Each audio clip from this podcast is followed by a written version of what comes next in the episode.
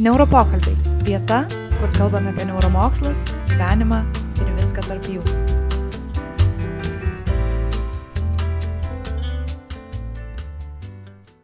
Sveiki neuropokalbių klausytojai. Šį mėnesį Integruotojų neuromokslo asociacija kalba apie dėmesingumą gebėjimas susitelkti ir sutelkti dėmesį į dabartinę akimirką tikslingai. Dėmesingumo praktikos, dar žinomos kaip mindfulness, jau nėra naujas reiškinys. Dėmesingumo principų pagrystos praktikos rytų kultūrose mena šimtmečius, o tik ganėtinai neseniai, praeito amžiaus pabaigoje, jos taip pat pradėjo dominti ir vakariečius. 1979 metais garsus amerikiečių mikrobiologas John Kabat-Zinn sukūrė dėmesingumu įsisamoninimu pagrystą streso valdymo metodą, kuris yra skirtas kurti ir lavinti įgūdžius padėsančius gyventi samoningiau ir atidžiau. Šiandienos neuropokalbėje kalbame su mindfulness mokytoja kognityvinės ir elgesio terapijos praktikė Edita Tamulienė apie dėmesingumo mitus, neuromokslą ir kaip ištobulinti dėmesingumą bei pritaikyti mūsų kasdienybėje. Sveiki, Edita. Labadiena, labai malonu labinti su, su visais, Tai pradėkime galbūt nuo pat pradžių. Apibūdinkite, kasgi yra tas dėmesingumas arba dar kitaip vadinamas mindfulness atida. Kaip tai galima būtų paprastai paaiškinti lietuvių kalba? Taip, tai e, labai teisingai Laura pristatėjai, kad mindfulness e, pati kaip, na, kaip metodas skaičiuoja tikrai ne vieną tūkstantį metų ir mes jį galime aptikti daugelio dvasinių praktikų, filosofijos, kovos menų, įvairių religijų kontekste. Na ir dėmesys dėmesingumui iš tiesų pradėjo populiarėti ir pradžia moksle laikomi 70-ieji metai. Ir tai galima sakyti, kad vat, psichologija ir išpakavo tokią labai dosnę dovaną iš rytų.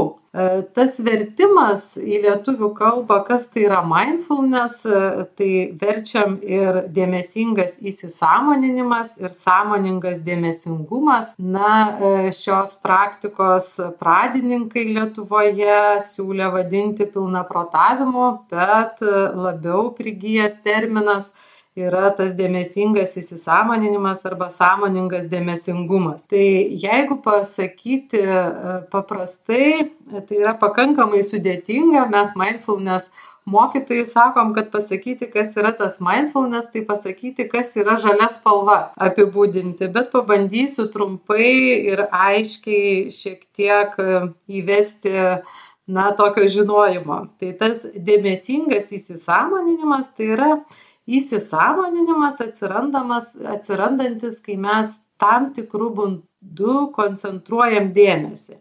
Tai yra tikslingai į esamą momentą ir nevertinant ir neteisant. Tai kitaip sakant, kad tai yra neutralus toks testinis, na, esamojo laiko momento įsisamoninimas, padedantis atpažinti mums mūsų mintis, jausmus, elgesį E, tuo metu, kai jis yra, nepereinant į tas automatinės reakcijas. Na tai va, tai tokiu būdu šitos praktikos leidžia išsiugdyti tą gebėjimą padaryti išminties pauzę prieš priimant sprendimą veikti ir pasirinkti savo elgesį iš daugiau variantų. Tai galima būtų dar, na, dar truputį, jeigu dar aiškiau pasakius, tai E, tai praktikos, kurios leidžia įsisamoninti dabartinę realybę ir savo atsaką į tą realybę. Tai yra mintis, emocijas, impulsus veikti, kūno pojūčius. Labai ačiū už tokias e, išsames apibraižas. Man gal labiausiai įstrigo toks aiškus pasakymas, kad dėmesingumas tai yra ta tokia išminties pauzė kasdienybėje, kuri leidžia mums nepereiti į tas automatinės reakcijas, kurias mūsų smegenys labai dažnai mėgsta daryti. Pakalbėti apie kokios yra tos praktikos, kaip e, mes galime išlaikyti išminties pauzę savo kasdienybėje. Tai e, mindfulness pati e, na, metodika yra kaip ir, kaip ir na, remiasi tuo pačiu dėmesio valdymo e, treniravimu ar ne, bet turi šiek tiek skirtingas tokias kryptis. Tai labiausiai žinoma ir populiariausia, kurią ir pati paminėjai, yra MBSR, taip vadinamas, e, mindfulness grįstas streso valdymas, streso valdymo programa, nuo kurios ir prasidėjo, prasidėjo šitos metodikos taikymas. Toliau yra MBCT, tai yra programa, kuri labiau skirta yra depresijos atkričio valdymui tuomet yra programos skirtos mindfulness eating, tai yra valgymo daugiau akcentams, sąmoningos tėvystės, taikymo organizacijose ir, na, tokia didžiulė dar irgi viena iš krypčių yra darbo su vaikais ir paaugliais. Tai šiek tiek skiriasi metodikos prieimas, bet, bet pati metodika yra va, ta pati bazinė, apie kurią ir minėjau. Tai, kaip supratau, mindfulness-based stress reduction, kaip jūs ir minėjote, yra populiari visam pasauliu. Tai dabar galbūt galim pakalbėti apie situaciją Lietuvoje, nes dažnai dar galima sutikti žmonių, kurie tikrai nėra susipažinę su šita koncepcija dėmesingo įsisavinimo ir dažnai gali net pažiūrėti tiesiog kryvai arba pagalvoti, kad tai nėra nei moksliškai pagrysta, tačiau jūs iš tikrųjų dirbate šitoje srityje, tai galbūt galėtumėte pasakyti, su kokiais mitais dažniausiai susidurėte, kai kalbate su žmonėmis arba jūsų klientais apie šitą terapijos metodą. Taip, tai mindfulness praktikos e, yra meditacijos ir, na, žmonės dažnai šią pačią praktiką mistifikuoja nors mindfulness meditacijos įsisąmoninimu grįstos e, meditacijos yra labiausiai ištyrinėtos turbūt mokslo ir neturi jokių sąsajų su jokiom religijom.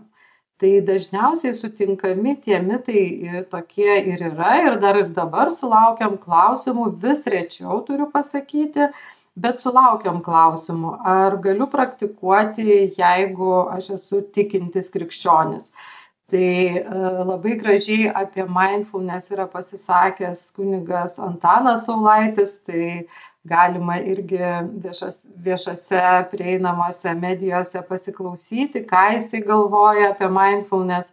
Ir tai tikrai nėra niekaip susiję su jokia religija, tai todėl yra tinkama bet kokio tikėjimo žmogui, ar ne?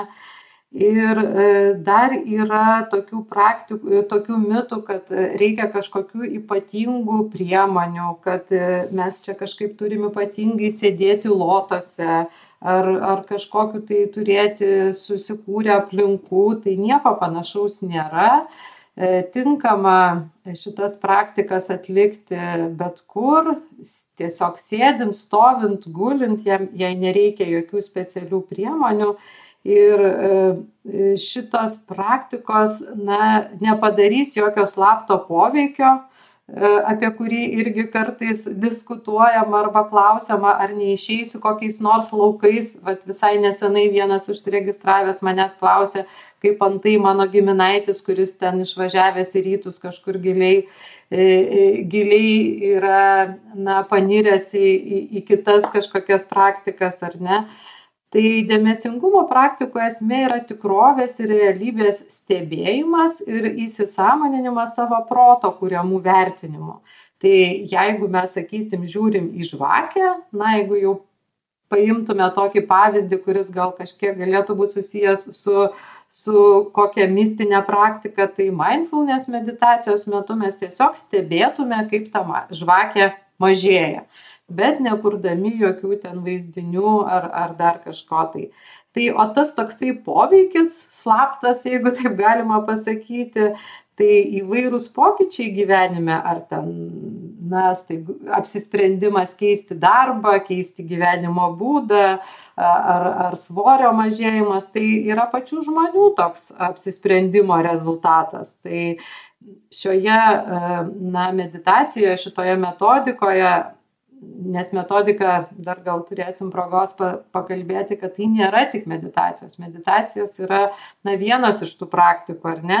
E, tai mes dirbam su tuo kas nuo mūsų priklauso su dėmesio valdymu tai yra dėmesio treniruotė proto treniruotė kurios metu mes ir ugdom tą gebėjimą derinti ramybę ir budrumą o visi kiti e, poveikiai kaip mes sakom tokie šalutiniai kaip atsipalaidavimas ar ar ar visi kiti. Tai jokios visiškos tylos, jokio sukryžiavimo e, ar sėdėjimo sukryžiavus kojas, nebent pačiam norisi, tikrai nėra. Tai tai tiek gal apie tas tokias dažniausiai pasitaikančius mitus galėčiau pasakyti jeigu jūs dar kokių girdėjote tai galbūt irgi būtų smalsu sužinot Labai įdomiai jūs čia demistifikavote visą mindfulness ir e, konceptą, nes tikrai labai dažnai girdime tiek iš mokslo pusės žmonių, tiek akademikų kalbančių, kad mindfulness tai yra kažkas panašaus kaip e, kažkokios būdų praktikos. Tai man pačiai, būnant mokslas rytyje, labai dažnai tiesiog kartais darosi liūdna, kad patys mokslininkai neskaito literatūros ir negali atskirti, kad mindfulness iš tikrųjų nėra kažkas atėję iš, iš kažkokių labai keistų praktikų ir tai yra be galo pritaikoma ir aplikuojama kasdienybėje ir žinoma jau remintis moksliniais tyrimais, kad tai veikia mūsų smegenis. Tai dabar ir norėčiau iš tikrųjų paliesti šią temą, kad sužinotų mūsų klausytojai, kas vyksta mūsų smegenise, kai mes praktikuojame atidumo momentą, kas galbūt keičiasi arba nesikeičia. Tai norėčiau jūsų būtent paklausti, ką neuromokslas gali papasakoti apie dėmesingumą. Iš ties nustebino tai, ką jūs, ką jūs dabar pakomentavote, nes, na, galbūt mūsų aplinkoje, toje, kur mes dirbam, tai, tai dirba tikrai daug mokslo žmonių ir, ir, ir, ir gydytojų, ir, ir šitus specialistus ruošia, ruošia sveikatos mokslo universiteto e, po diplominės studijos ar ne. Tai galbūt dėl to kad pati vat kaip sakiau meditacija yra tokia mistifikuotas e, dar vis e, e, na dar vis praktika nors pats terminas nieko savaime blogo ne ne ne nereiškia tai yra tiesiog susitelkimas ar ne? Bet kaip reikia pasakyti kad jinai stovi kaip sakoma ant budizmo pečių. Tai va džonas kabadzinas ir apjungia tą rytų patirtį į vakarų mo ir vakarų mokslą ar ne integravo. Tai kad stovi ant budizmo pečių, tai nereiškia, kad tai yra na, kažkaip susiję su, su, na, su, su tuo tokiu nepagristumu, e, kaip tai moksliškai. Tai e, mokslas, e, turbūt mindfulness meditacijos, įsisamoninimo meditacijos yra labiausiai tyrinėjamos mokslo. Ir neuromokslai jau atsakė į esminį klausimą, ar meditacija ką nors keičia tai taip žinoma keičia tiktai svarbu ką ir kaip keičia ar ne? Ir tie daugybė mokslinių tyrimų e, patvirtina e, kad meditacija veikia smegenų centrus, kurie atsakingi už emocijų atpažįstamumą, už raišką, už reguliavimą, empatiją, savasties jausmą skausmo suvokimą ir priėmimą. Gali sumažinti skausmą ir su skausmu susijusių smegenų sričių aktyvaciją.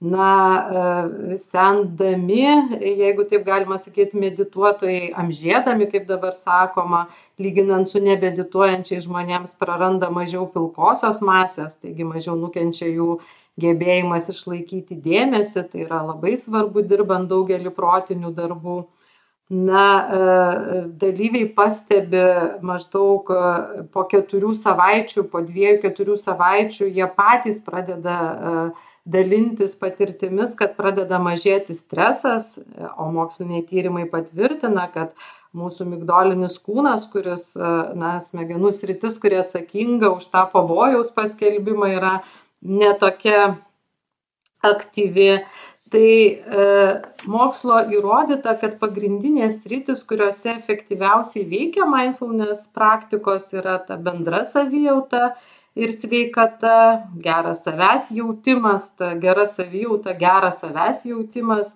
e, priėmimas e, teigiamai veikia širdies darbą mažina kraujospūdį gerina miegą tai na tiesiog kiekvienos grupės turbūt dalyviai pirmiausiai aptinka tokius pokyčius savo gyvenime ar ne? Tai puikiausiai tinka streso valdymui nerimui nes kas gi yra nerimas tai yra nuolatinis buvimas kažkur ateityje, nerimavimas dėl to, kas bus ateityje, o visos praktikos moko susitelkti ir būti ir čia ir dabar.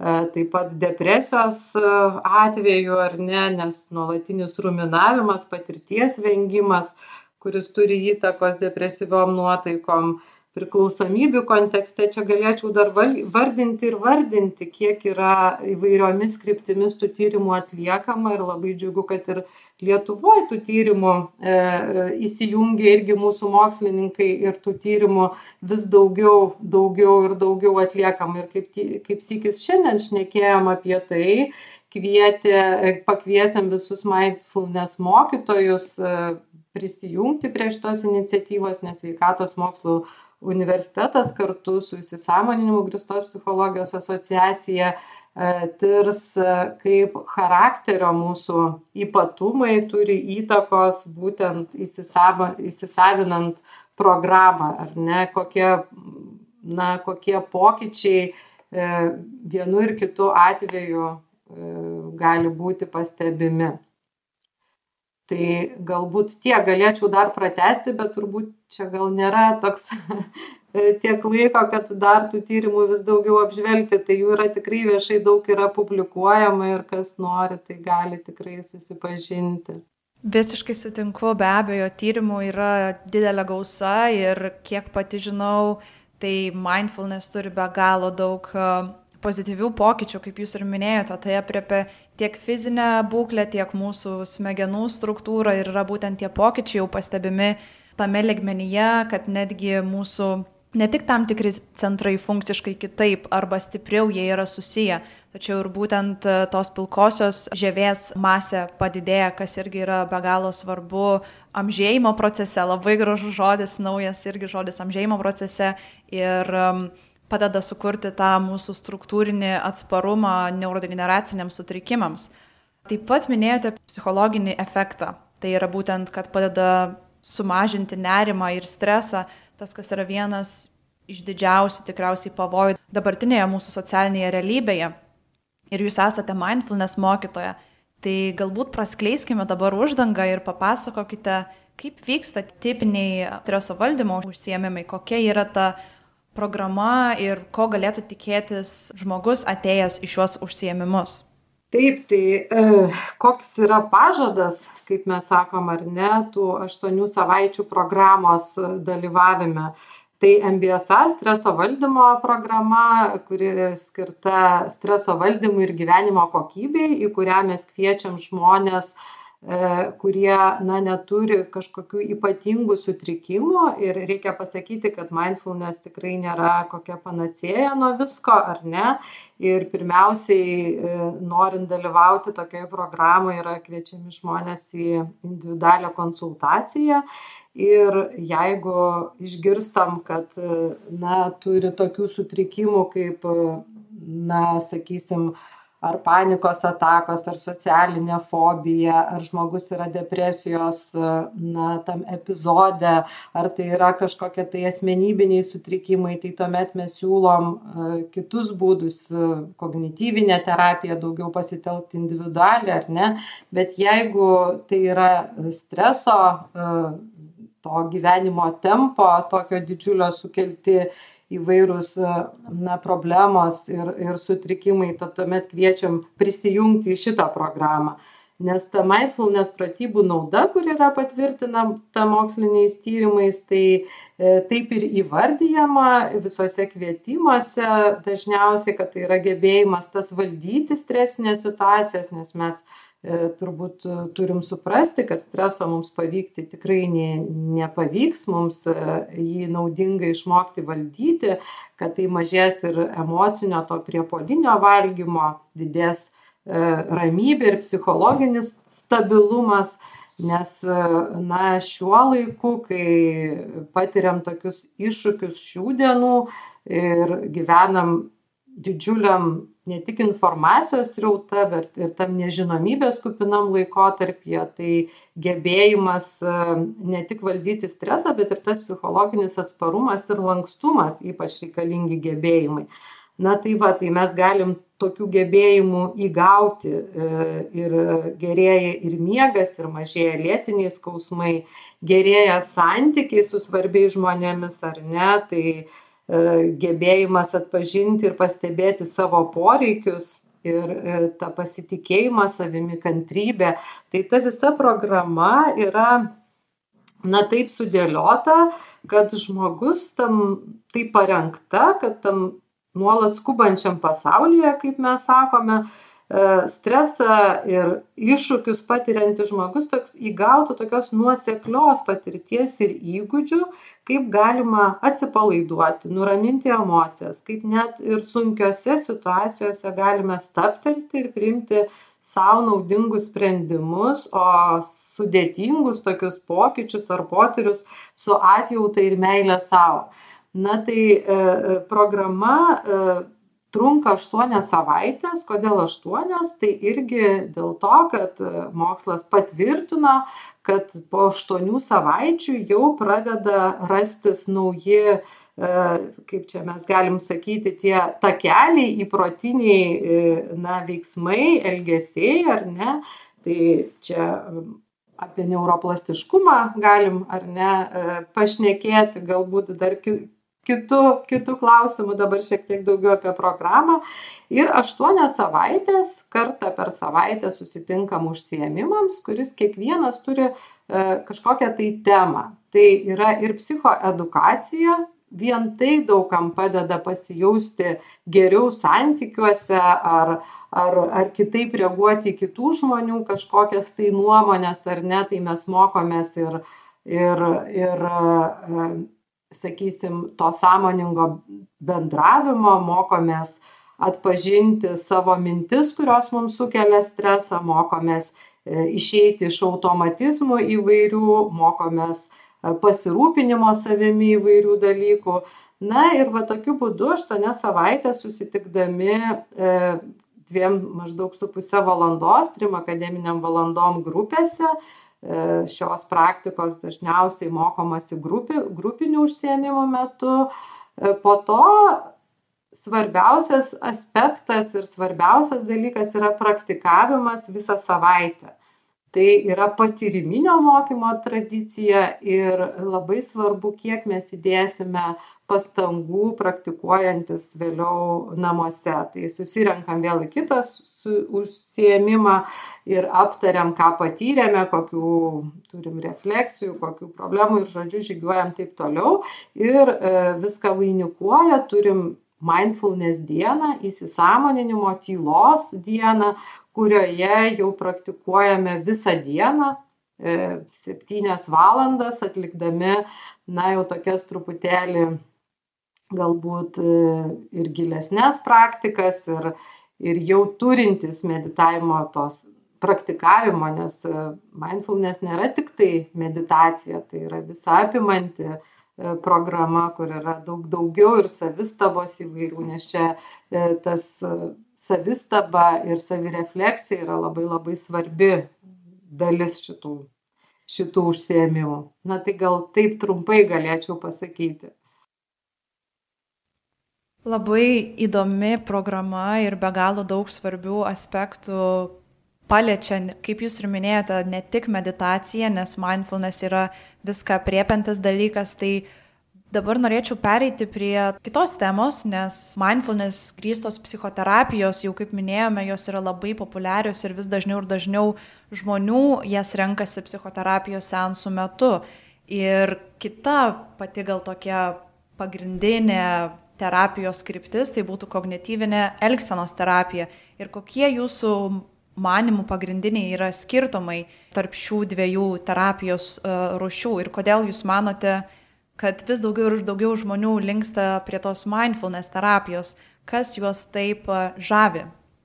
Čia gal išvelgčiau tokius, tokias dvi klausimo pusės. Galbūt viena tai, kodėl tos praktikos vis labiau populiarėja, ar ne? Uh, tai e, kodėl tas susidomėjimas taip auga tai pirmas turbūt tas toksai tos priežastys tokios ir būtų kad e, na kaip sakau toks gyvenimo paradoksas ar ne gyvename vis geriau jaučiamės vis blogiau Tai tas spartus toks gyvenimo tempas, kaip, kaip žinome, ar ne aukšti reikalavimai tiek savo, tiek spaudimai iš, iš išorės būti pačiais geriausiais ar ne. Na ir kaip sakėm, tas toksai, na, nūdienos iššūkis, su kuriuo turim susitvarkyti ir ne, tai kaip, kaip patirti džiaugsmo šiandien ir nelaukti, kol gyvensime kažkada geriau ateityje ar ne. Tai labai tas gebėjimas valdyti įvairias situacijas, stresą, pažinti save, mokėti tų adaptyvių įvairių sprendimų, e, ypatingai tų profesijų žmonių, kurie būtent dirba tose ypatingai stresinėse veiklose, e, su stresu susijusiuose darbuose, tai iš mokytojų pusių, iš gydytojų yra tikrai didelis poreikis šitoms praktikoms. Ir taip pat iš vaikų ir paauglių e, labai sritis, kuri šiuo metu ypatingai e, na, reikalauja tų, e, to, tos atidos šitom praktikom ir po truputėlį Dėja, tik tai yra mokyklų, kuriuose yra šitos praktikos įtrauktos į, į, į mokyklų programas, bet e, Lietuvoje daugiau yra privačiose mokyklose, o kiti pasirinkimai yra daugiau privačiom iniciatyvom, tėvų apmokami ar ne. Tai, e, tai, vat, tai tos, tas poreikis toks yra susiformavęs pakankamai, pakankamai didelis iš pačių žmonių ir tie sutrikimai, kurie yra mūsų šių dienų kaip ir e, tokio gyvenimo vat, tempo, tai nerimas, nemiga, depresija, išaugusių tų medikamentų vartojimas šiame kontekste, priklausomybių irgi plitimas lėmė tą tokį susidomėjimą to mindfulness metodu, nes tai pakankamai įdomu ir ne, nors nepasakysi, kad yra labai lengva, bet dar vienas iš mitų atrodo, kad tai kas čia tą dėmesį yra taip lengva valdyti, bet dėja dėja, kai pradedam e, praktikuoti, tai susipažįstam su savo nuolat e, bedirbančių tuo bežionės protu ir tai tikrai reikalauja įgūdžių ir, ir nėra taip lengva. Tai e, tai galvoju kad ir dar tas toks neuromokslo tobulėjimas irgi prisidėjo prie to kad praktika vis labiau populiarėja ir tie moksliniai tyrimai tiek psichologijoje tiek medicinoje kurių jau dabar tūkstančiais skaičiuojama patvirtina dėmesingumo tą programų naudą ir daugėja turbūt specialistų kurie gali dirbti su šia metodika. Yra vat ir asociacija didžiulė kuri vienija šitus specialistus ir visus besidominčius mindfulness ir sąmoningumo praktikom vyksta įvairios konferencijos. Na ir daugėja tų žmonių kurie pasidalina savo e, savo potyriais po aštuonių savaičių kurso su kitais. E, tai jų gera savijauta yra, na, tokia, e, toks geriausias ambasadorius turbūt, jų pasikeitusi savijauta, pasikeitęs e, gyvenimas kartais netgi yra toks turbūt geriausias ambasadorius šitos programos ir labai dažnai ateina į grupės žmonės, kurie prieš tai, kurių kažkaip ar bičiuliai, ar kažkokie pažįstami dalyvavo tokiuose programuose. Tai tai galėčiau pasakyti vat apie tą plėtrą kodėl jinai vis labiau populiarėja ir kodėl kodėl ja vis labiau žmonių susidomi. Tai noriu pasakyti kad e, šiuolaikinė trečiosios bangos kognityvinė ir elgesio terapija apima įsisąmoninimu grįstą psichologiją ar ne mindfulness nes e, mes pradžioj kad galėtume kažką keisti ar ne kognityvinė elgesio terapija tai yra E, apie tai, kad e, mūsų mintis sukuria, ar ne, mūsų e, požiūris, mūsų, mūsų požiūris į problemą, ar ne, į kažkokį tai reiškinį sukelia mums mūsų reakcijas. Tai tam, kad mes galėtume kažką keisti, pirmiausiai turim įsisamoninti. Tai kartais to ir užtenka ir tie pagrindai kuriuos gauna aštuonių savaičių kurse e, dalyvaujantys žmonės e, nuo ko priklauso mūsų reakcijos kodėl vieni vienaip o kiti kitaip reaguojam vienose ar kitose situacijoje būna visai pakankami. Bet jeigu turim na, tokius asmenybinius, jau asmenybinės problemas, jeigu turim specifines problemas, kaip kaip ten sakysim panikos sutrikimus ar ar ar depresijos epizodą ar socialinę fobiją ar ar dar kitus tai tuomet jau kryptingesnė yra tokia individuali kognityvinė terapija kai mes jau ne tik įsisąmoninam savo e, mintis emocijas e, mintis kurios sukelia mūsų emocijas kūno pojūčius po to elgesį ar ne bet ir taiko metodikas kaip galėtume keisti ypatingai tuos savo kertinius įsitikinimus, kurie na, yra nekas kitas kaip mintis apie, apie save, apie kitus, apie pasaulį. Tai, tai įsisamoninimas yra įsisamoninimas minčių, jeigu tai būtų galima jau labai primityviai pasakyti, o jau toliau, jeigu reikia, mes galime eiti giliau į, į, į procesą arba tai tada, kai netinka šita mindfulness metodika, nes kognityvinė elgesio terapija turi labai aiškius protokolus e, tiems sutrikimams ar susirgymams gydyti arba spręsti. Ačiū labai ir pabaigai tiesiog norėčiau paklausti, nes Dėmesingai žvelgti į gyvenimą, kaip jūs ir pati minėjote, nėra labai lengvas įprotis ir man pačiai praktikuojant virš trijų metų ne visada lengva tai daryti. Jaučiu, kad tikrai tos beždžionės smegenys dažnai uh, uždominuoja ir išlaikyti tą pauzę ir tą susitelkimą ganėtinai sunku. Kitas dalykas, su kuriuo dažnai susiduria žmonės, kurie pradeda praktikuoti dėmesingumo praktikas, mindfulness, meditaciją, jiems yra labai sunku išlaikyti tą testinumą ir išugdyti tą įprotį. Žmonės bando medituoti tik atsikėlę ryte, vėliau supranta, kad po trijų mėnesių galbūt jiems šitas laiko tarpas netinka ir tada jaučiasi, kad, eh, va ir vėl šiandien jau praleidau tą dieną. Tai kaip reikėtų susikurti kažkokią mindful dėmesingumo praktikos rutiną, kaip galėtų žmonės palengvinti savo šito įgūdžio implementavimą į kasdienybę ir nuo ko reikėtų pradėti? Taip, tai čia e, ir yra turbūt didžioji paslaptis, kad tai, kaip ir minėjau, yra patiriminio mokslo tradicija ir kad viską turim pasidaryti patys, ar ne, tai pasinaudodami savo neuroplastiškumu smegenų, ar ne, galim uh, tobulinti save, galim išmokti tų naujų įpročių ir įgūdžių bet reikia tam praktikų. Kaip mes sakom, kad padarytume tuos, tas naujas autostradas ar net tie ryšiai būtų kuo stipresni, tai reikia pastovių praktikų ir, ir, ir, ir kad tai taptų kasdienybės tais tokiais pasirinkimais.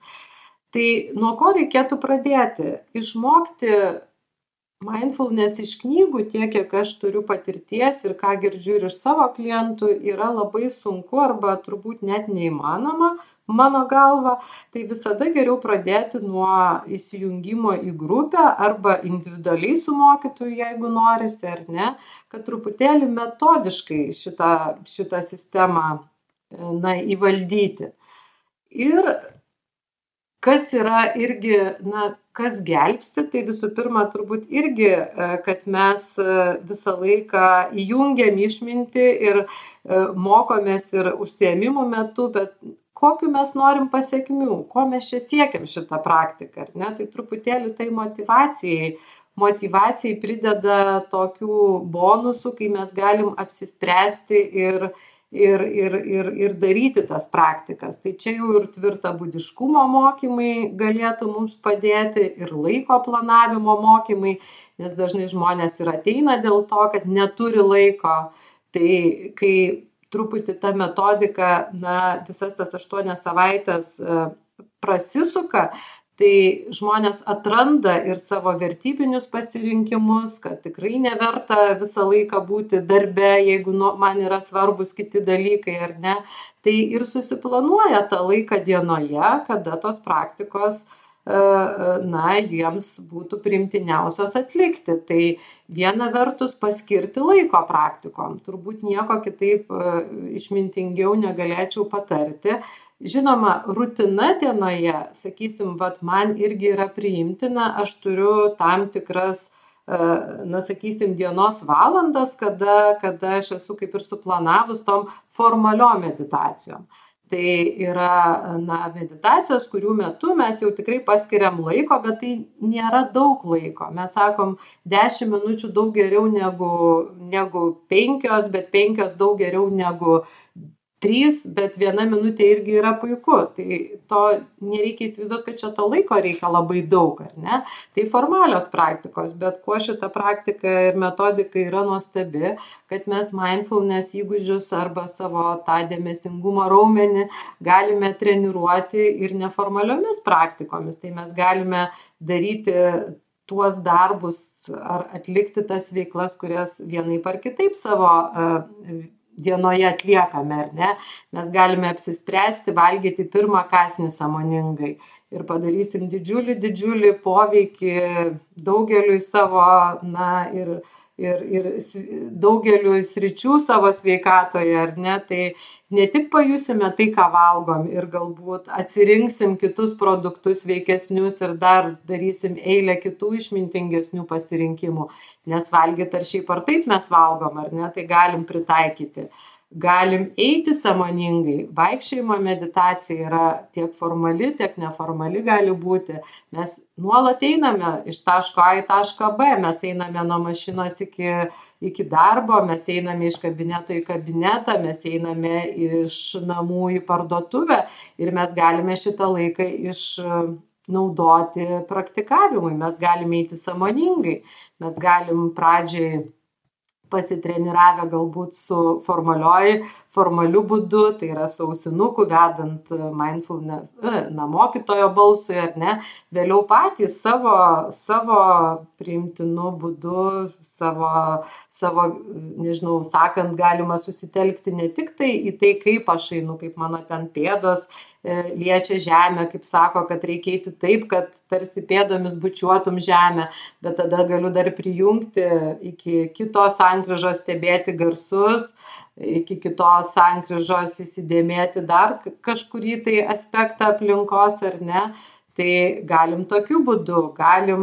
paprasčiausiai neformalia praktika kuri na man bent jau labai priimtina ir ką girdžiu ir iš savo e, klientų tai atlikti kažkokį buities darbą kurį darai. Na sakysim galima lupti morką o mintyse būti darbe arba arba nežinau dar kur bet galim iš tiesų susitelkti savo sensoriką ir tikrai jausti matyti suprasti ką darom. Tai tokių būdų yra labai labai daug. Ir dienoje mes galim stabtelti trumpųjų pauzių metu, ką mes mokomės tų trijų žingsnių pauzė ar ne, kai aš stabteliu ir pasiklausiu savęs, ką aš čia darau, ką aš galvoju, ką aš veikiu, ką aš jaučiu.